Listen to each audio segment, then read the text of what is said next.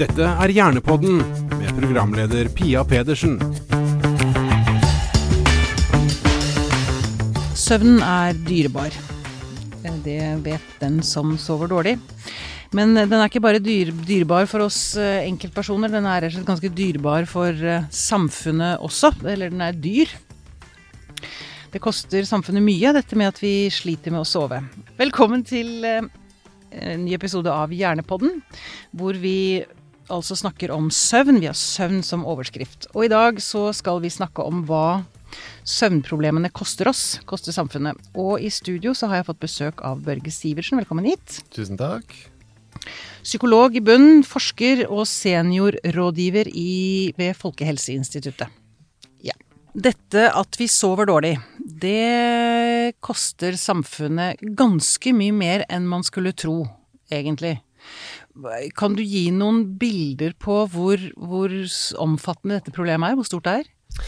Ja, altså det er ikke det at søvnvansker er så fryktelig alvorlig. Det er ikke på en måte den akutte sykdommen som gjør at det blir så alvorlig. Det er utbredelsen av det som er eh, skyhøy, rett og slett. Det er så mange av oss som sliter daglig med å få sove. Så får dårlig søvn. Nattlig, håper jeg. Nattlig, ja. ja. Jo, men det henger sånn de sover da, tar det igjen da på dagtid. Og, Ja. og det også da kommer det inn en ond sirkel der også. Ja. Men den, uansett, det å sove dårlig på natta gjør jo at du, du fungerer rett og slett fryktelig dårlig på dagtid. ja. Trøtt, uopplagt og Ja, det går utover veldig mye. Konsentrasjonen, Ja. kognisjonen, humøret, humøret. psyken. Ja. Alt. Hele på en måte dagtidsfunksjonen, da. Ja. Og sånn diagnosekriteriene eh, lister jo opp en sånn rekke sånne nedsatte funksjoner på, på dagtid. Mm. Og så det, det er omfattende greier. Vi har altså rene søvnsykdommer som insomni, søvnapné og RLS, Restless Leg Syndrome. Men så har du alle de som bare sliter med å få sove pga. bekymringer eller stress. Nettopp. Ja. Det er jo på en måte begynnelsen på insomni, da. Og det er insomni man gjerne snakker mest om. Det er den klassiske eh, sliter med å sove. Enten får ikke sove om kvelden, eller våkner opp på natta. Mm. Og, det er, og da har man satt noen kriterier da på en sånn diagnosenivå. At man skal da, hvis man sliter med dette tre dager i uka, og øh, fungerer som en konsekvens dårligere på dagtid, og hvis du har hatt dette da i mer enn tre måneder, da er det på en måte Da snakker vi om insomni. Da snakker vi om en eh, klinisk sykdom, liksom. Nettopp. Ja, Ja. ja. En ting er jo at søvnsykdommer kan koste samfunnet dyrt pga. sykemeldinger og uføretrygd, men så er det jo sånn at dårlig søvn også kan fort føre til lavere produktivitet når man faktisk er på jobb. Og dette koster også en del. Ja. Ja, Det det må det du som- fortelle litt mer om. Ja, det er det som er det viktigste. Altså Én ting er at man, eh, det er kostnader knytta til medisiner og til helseforbruk og sånt, men den store stygge ulven her er at man går på jobb, men man klarer ikke fungere så godt. Man gjør ikke det man ellers ville gjort da, hvis man hadde vært uthvilt, opplagt og klar for å yte maksimalt. da. Og det, En ting er de som jobber på fabrikk, ikke sant? de gjør gjerne litt mer feil og jobber langsommere. Men også de som har en helt vanlig jobb. Ting går litt seinere, trådere må ha mer pauser. Du må gjøre ting om igjen fordi du er ikke fokusert. Mm. Og så har man da estimert dette til at det er jo det som utgjør ca. tre fjerdedel da, av kostnadene knytta til eh, insomni. Det er ikke det at Tre fjerdedeler, ja, tre fjerdedel. Mm.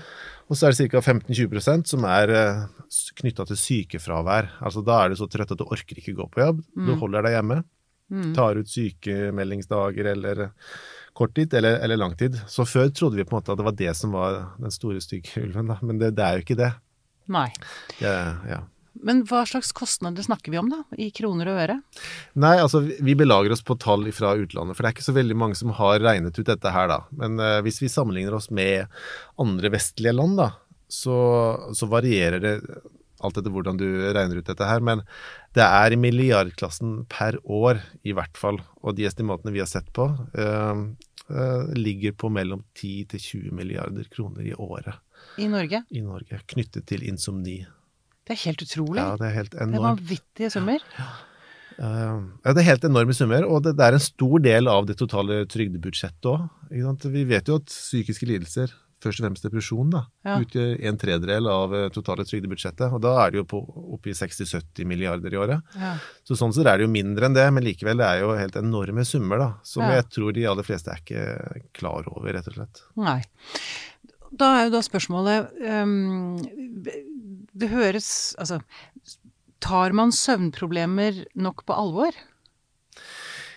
Altså, det er, det er bedring, for å si det sånn, da.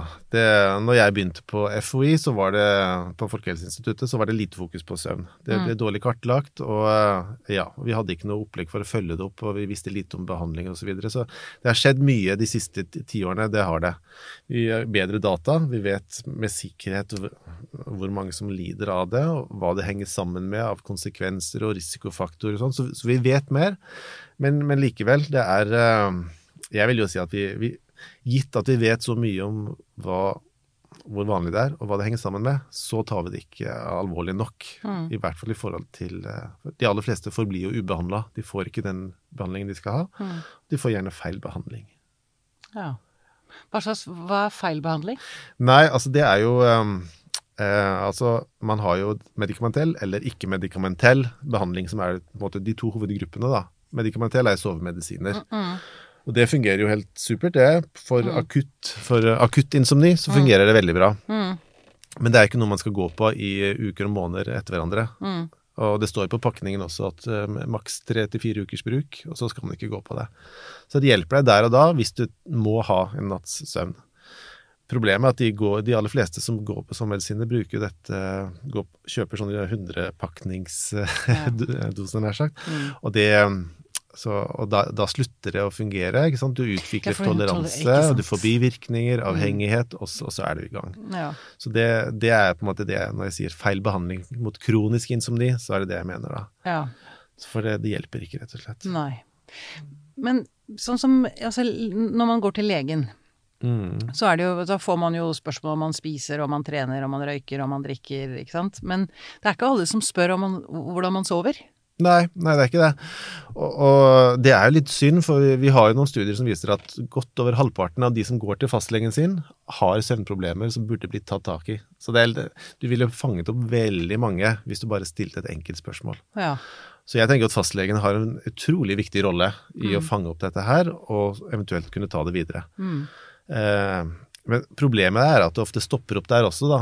At fastlegene ønsker jo, de ønsker jo å hjelpe, men verktøyskrinet til en fastlege er jo litt begrensa. Ofte blir det litt begrensa til, eh, til, reseptblokka. Ja. Og så får de da sovemedisiner. Mm. Men eh, det er fordi de ønsker å hjelpe, ikke sant? og de har jo ikke noe mye alternativ. Mm. Men, eh, så der har vi en jobb å gjøre, tenker jeg. Ja. Ok, og så eh, henger jo søvnen veldig tett sammen med psyken og hvordan du har det.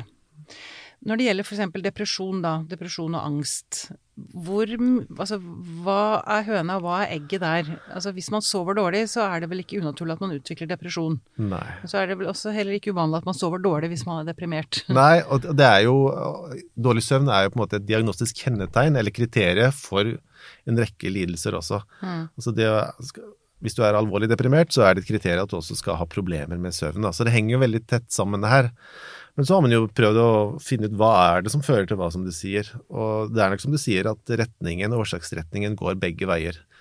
Og, og, går, og effekten er ganske, eller effektstørrelsene, som vi sier, da, er, er sterke. Det vil si, har du kroniske søvnvansker, så er det en ja, fem-seks ganger så stor risiko for at du utvikler depresjon da, i, på sikt. Akkurat. Og, men også det motsatte vei, da. Det er veldig få som går og er deprimert uten at de også har søvnvansker. Så ja. sammenhengen er like sterk den veien, da. Ja, akkurat. Jeg tenker at man har sovet dårlig, og det er liksom sånn ja ja, stakkars, det var synd. Men, men, det kan faktisk være ganske farlig. Altså, hvis mm. man har, altså, jobber i samfunnskritiske øh, stillinger, da. Mm. Eller altså, bussjåfør. Altså, det, det, er ganske mye risiko knyttet til dårlig søvn. Ja, altså uten å katastrofere for mye, så er det jo konsekvenser knytta til søvnmangel, da. Mm.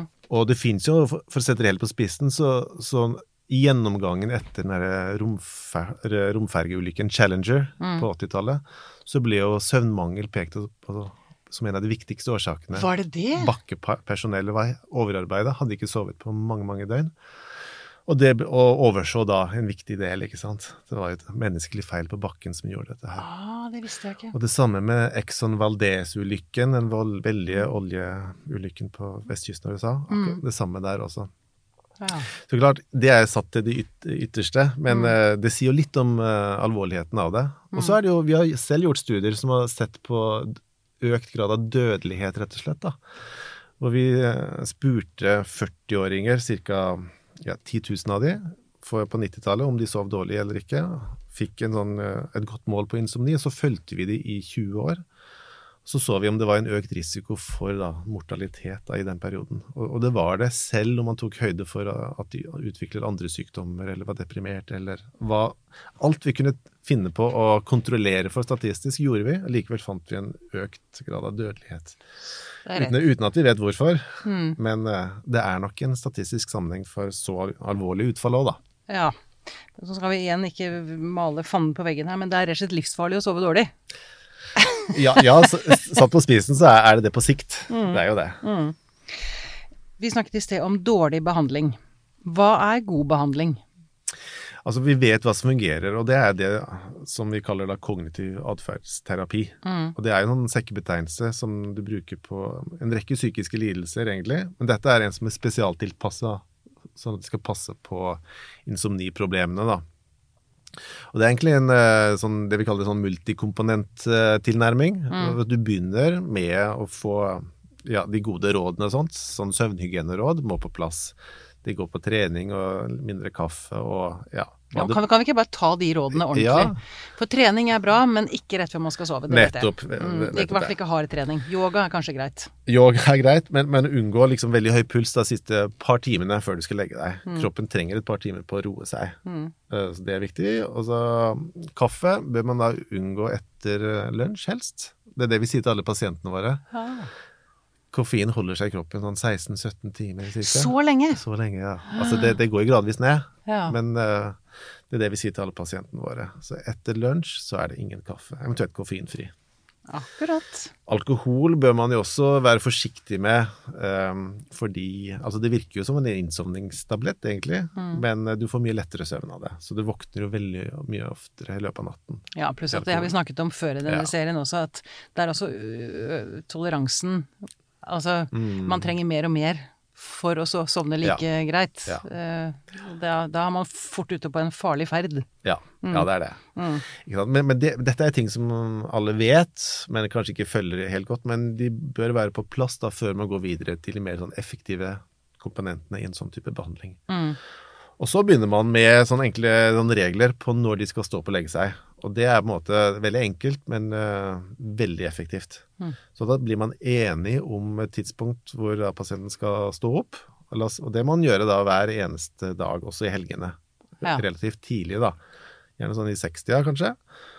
Og så får de da Så setter man en, et tidspunkt for når de skal legge seg, sånn at de kun får lov til å oppholde seg i sengen kanskje da fem til seks timer. For hele poenget med det her er jo på en måte å komprimere søvnen sørge for at de faktisk sover i den tida de er i senga. Oh, ja. Problemet er jo ofte at de, de, de, får nok søvn, men de bruker da tolv timer for å oppnå den søvnen. Legger seg tidlig fordi de er trøtte, og sover litt langt utpå formiddagen fordi de, fordi de, trenger det for å få den søvnen. da. Så hele søvnen er så fragmentert at, at, de får ikke De bruker altfor lang tid på å få det. Ja. Så her da lærer vi kroppen til at når de er i senga, så skal de faktisk sove, da. Ja. Så det gjør at mange at pasienter blir jo frarøvet ganske mye søvn de første ukene. De får mindre søvn enn de ellers ville hatt, mm. men de, tross alt så lærer de seg å sove sammenhengende. Mm. Og har vi klart det, så har vi oppnådd veldig mye. Så gradvis utvider vi det vi kaller søvnvinduet, til at de får eh, så mange timer som de trenger, da. Ja. Og trenger vi åtte timer? Nei, egentlig ikke. Vi, Nei. Det er en sånn søvnmyte. Oh, ja. Så vi vil helst til livs, da. Altså de, eh, Noen trenger det veldig individuelt, det her. Så mm. vi er veldig forsiktige med å gå ut med en sånn eh, gyllen regel. Noen klarer seg helt greit med seks, seks og en halv. Andre må syv, syv og en halv, kanskje åtte. Men altså, det viktigste kriteriet er om du uh, syns du fungerer greit på dagen, så mm. har du sovet greit nok. Mm. Det er sånn enkelt sagt, da. Ja, ikke sant. Ikke ja. sant. Jeg må spørre deg, sånne lysterapilamper. Mm. Det er, jo, det er jo, Jeg vet det er sånn som brukes mot depresjon. Men det har også med, har jeg hørt, lest at det også kan bedre søvnen. Hvis du sitter med en ordentlig lysterapilampe om morgenen. Stemmer, Vet du noe om det? Ja, det... ja, da. Man bruker det jo gjerne, og særlig for de eh, som lider av sånn forsinket søvnfasesyndrom. Mm. Der bruker man det ganske mye. Mm. For da skal man på en måte snu døgnet. det, det har nok litt begrensa for, en- for en generell eller typisk insomnipasient, så har ikke, er nok ikke det så effektivt. Nei. Men eh, det er de som måte, har mer en sånn døgnrytmeforstyrrelse, hvor melatoninproduksjon er helt på avveie. Da Da bruker man en sånn for å få opp produksjonen på, på dagtid, Ja. og eh, ned på Nei, ned på dagtid Ned på dag- og opp på kveldstid. ja. Ja. Ja. Insomni er jo er vel ikke en gyldig sykemeld... Altså det er ikke et gyldig sykefravær. Du kan ikke si at du lider Du kan ikke ringe inn og si insomni som en sykdom. Nei. Det, og det er et veldig godt poeng. Det er, det, det er ikke godkjent diagnose som utløser rettigheter Nei, på noe som helst nivå. Det var den riktige måten å si det på. Ja, ikke sant? Og, og, men det betyr jo ikke at de ikke blir sykemeldt for det, eller mottar uføretrygd, men de får det for andre diagnoser. Mm. Og da er det typisk en depresjon, da, som eh, man, eh, legen vil sette på i journalen din, Mm. som utløser rettigheter. Selv om da, og det er jo helt fryktelig at de får en sånn merkelapp på seg uten at det er reelt. Men det, det er det man benytter seg av, da. Mm. Eh, Men det gjør jo at det er veldig vanskelig å identifisere det i eh, helsesystemet også. Vi, eh, hvis man prøver å lete i registrene, ja, hvor, hvor utbredt er dette her, Mm. så vil man ja, knapt finne det i det hele tatt. Da er det andre diagnoser som settes. Og, Men det kan da rett og slett være søvnen som er problemet? ja. Og, Dette burde jo kartlegges mye bedre. ja, det, det burde det. Helt enig. Og eh, det, det er synd at vi eh, ikke vet mer eh, om dette her. Det, og, det, og det er veldig viktig, for det er så store summer. En ting er summene for, eller kostnader for samfunnet, men de, de individuelle kostnadene er, også er jo eh, veldig store. Veldig store, ja. For det første mister man jo Veldig mange forsvinner ut fra arbeidslivet. Det er de færreste som klarer å gå år etter år med kronisk insomni og likevel prestere på jobb. Så den typiske pasienten vil jo da forsvinne. Først noen prosenter, og så forsvinne helt ut av arbeidslivet. Hvordan kunne man få kartlagt dette da bedre? Hva, hva ville du ønske deg av, av si, verktøy eller mekanismer i helsevesenet eller i, hos fastlegen eller i samfunnet? Ja, altså, For det første så trenger vi gode forekomsttall, og der er vi nå i ferd med å få dette her, da. For nå gjennomfører vi gode befolkningsundersøkelser, mm. hvor vi får gode tall på ikke bare symptomer, med også lidelser. Så det er det, må, det er det første som må på plass, da. Ja. Og da kan man si hvor mange som har kun det, eller hvor mange som også har andre ting. ikke sant? Så ser man sammenhengen. Og Det tenker jeg må følges opp eh, med jevne mellomrom, rett og slett. At man får utvikling også, sånn at man kan se hvor mange er det som blir kvitt dette sånn spontant. For mange blir jo bedre. Eller mange og mange, ca. en tredjedel blir kvitt dette av seg selv. Mens da to tredjedeler ikke gjør det. Så mm. det er en kronisk lidelse for, for veldig mange. Men igjen, det, det har vi ikke tall på i Norge, så vi, vi trenger gode tall på det. Det er på en måte første steg i dette her, da. Men burde det bli en diagnose? Ja, jeg tenker jo det, det, og det tror jeg nok de fleste er enige om, at det er så Konsekvensene for hvordan det fungerer på dagtid, er så akutte at eh, eh, Ja. Men klart, vi har jo et svimlende høyt trygdebudsjett, og hvis man skulle inkludert dette også i tillegg, så jeg tror egentlig ikke det ville hatt så mye å si, for, for er du så trøtt at du ikke klarer å Eller sover du så dårlig at du ikke klarer å fungere, så, så finner du deg en annen måte. Så disse er ikke eh, Disse er nok å finne i trygdesystemet uansett. Ja. Men det gjør det fryktelig mye vanskelig for oss å gå inn og forske på det, og identifisere Ja, ja. hvor stor andel det er som har dette her. Pluss at jeg tenker at altså, hvis man får en feil diagnose, altså hvis det er insomni som er problemet, og man kanskje ikke har fått den diagnosen, Mm. så vil man jo kunne få det veldig mye bedre med riktig behandling, Ja. tenker jeg jo også da. ja, og man kunne også dimensjonert behandlingssystemet deretter også. Mm. For per i dag så er jo det forsvinnende få steder som tilbyr god behandling. Altså, det er jo et paradoks. Vi vet hva som fungerer, og det er effektivt. Det koster lite. Mm. Men her i Oslo, da, det er ingen søvnsentre som, som er dimensjonert for å klare dette her. Du har noen enkeltstående behandlere som nok tilbyr det på privat praksis, men eh, det er ikke noe offentlig behandling for dette her. Eh, Bergen har du et privat søvnsenter. I Trondheim har du ett senter på St. Olavs som har det har ikke veldig god kapasitet, men, eh, men det sier litt om at det, det er ikke utbygd i det hele tatt. Og det er jo fryktelig synd når vi vet at det kunne spart både individet og samfunnet for eh, enorme kostnader. Ja, ja, ja. Så er det ganske stor forskjell på kvinner og menn. Mm. Hva var tallene igjen der? Nei, altså det er cirka nesten dobbelt så mange da, kvinner som sliter med søvnvansker. Og, og, og det, Det er er, sånn 20-25% eller Ja. noe sånt nå? Og litt avhengig av hvordan du spør om det her, men Mm. det, de fleste studiene viser jo at for kvinner så skjer det et eller annet i overgangsalderen. Da ser vi forekomsten øker ganske betydelig, da. Hva, hva skjer da? Nei, det er rene fysiologiske endringer så, som skjer, som gjør at man får lettere søvn, da.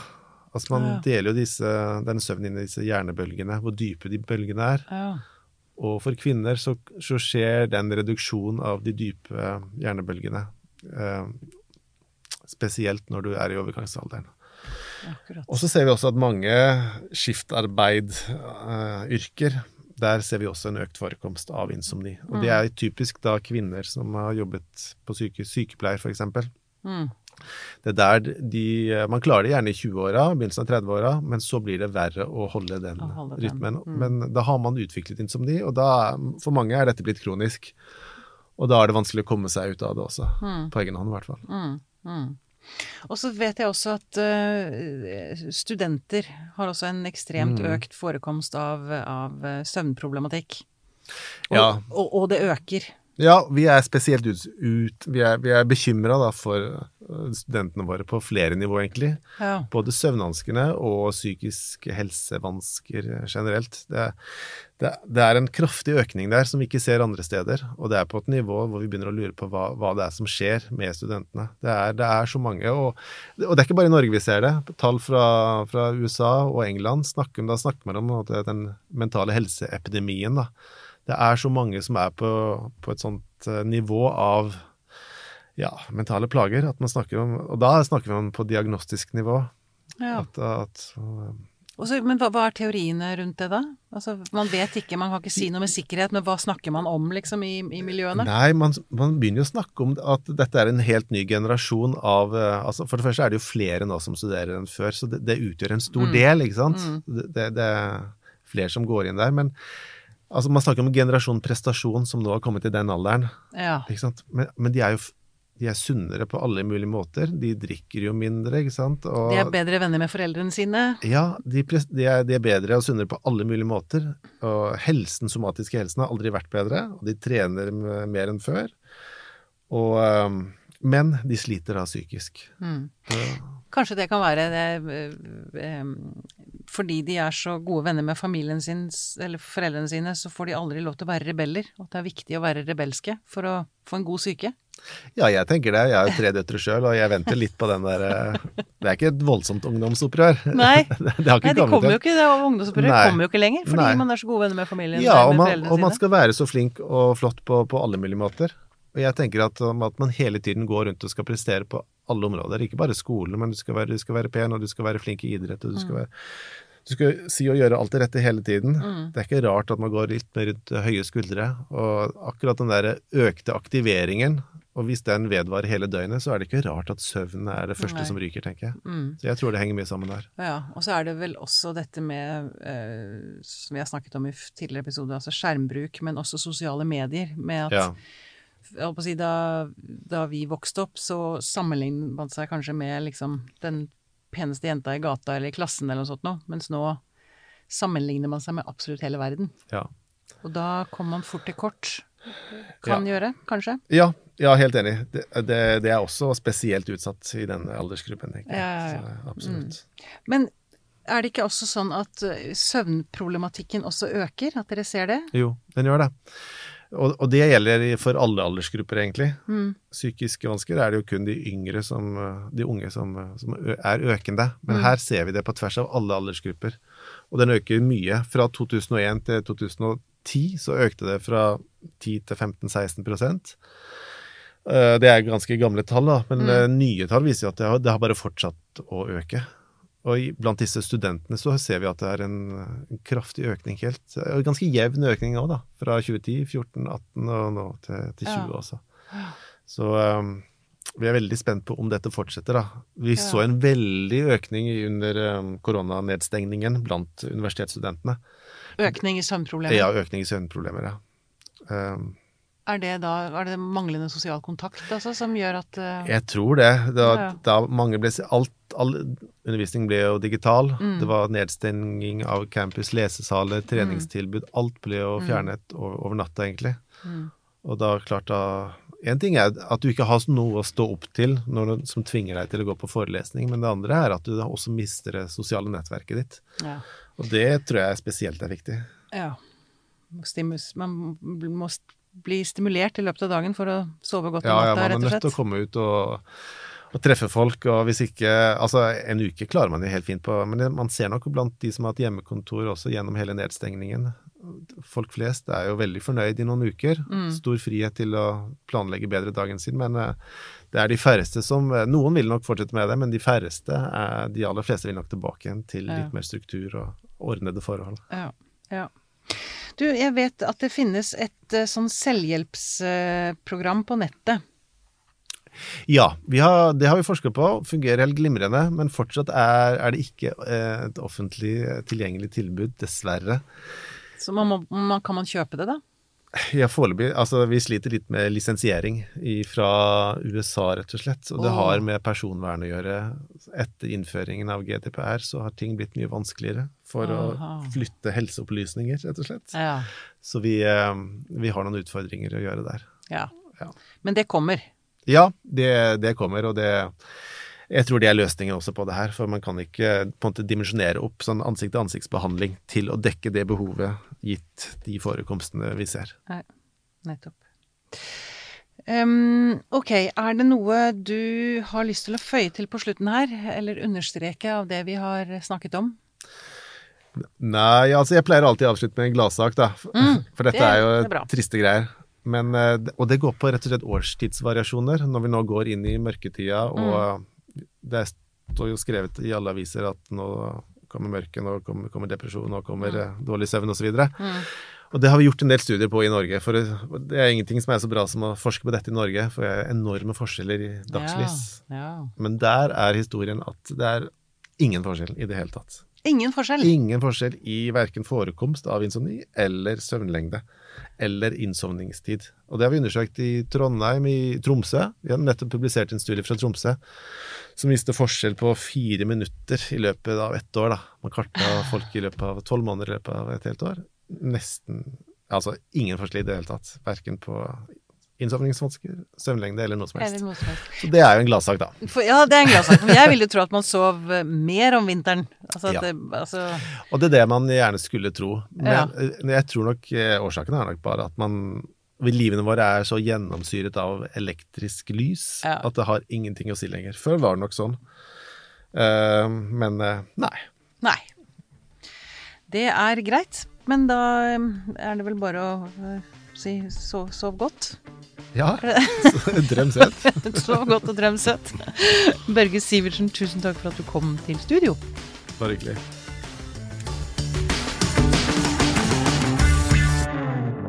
Denne podkasten er produsert av Tid og lyst for Hjernerådet.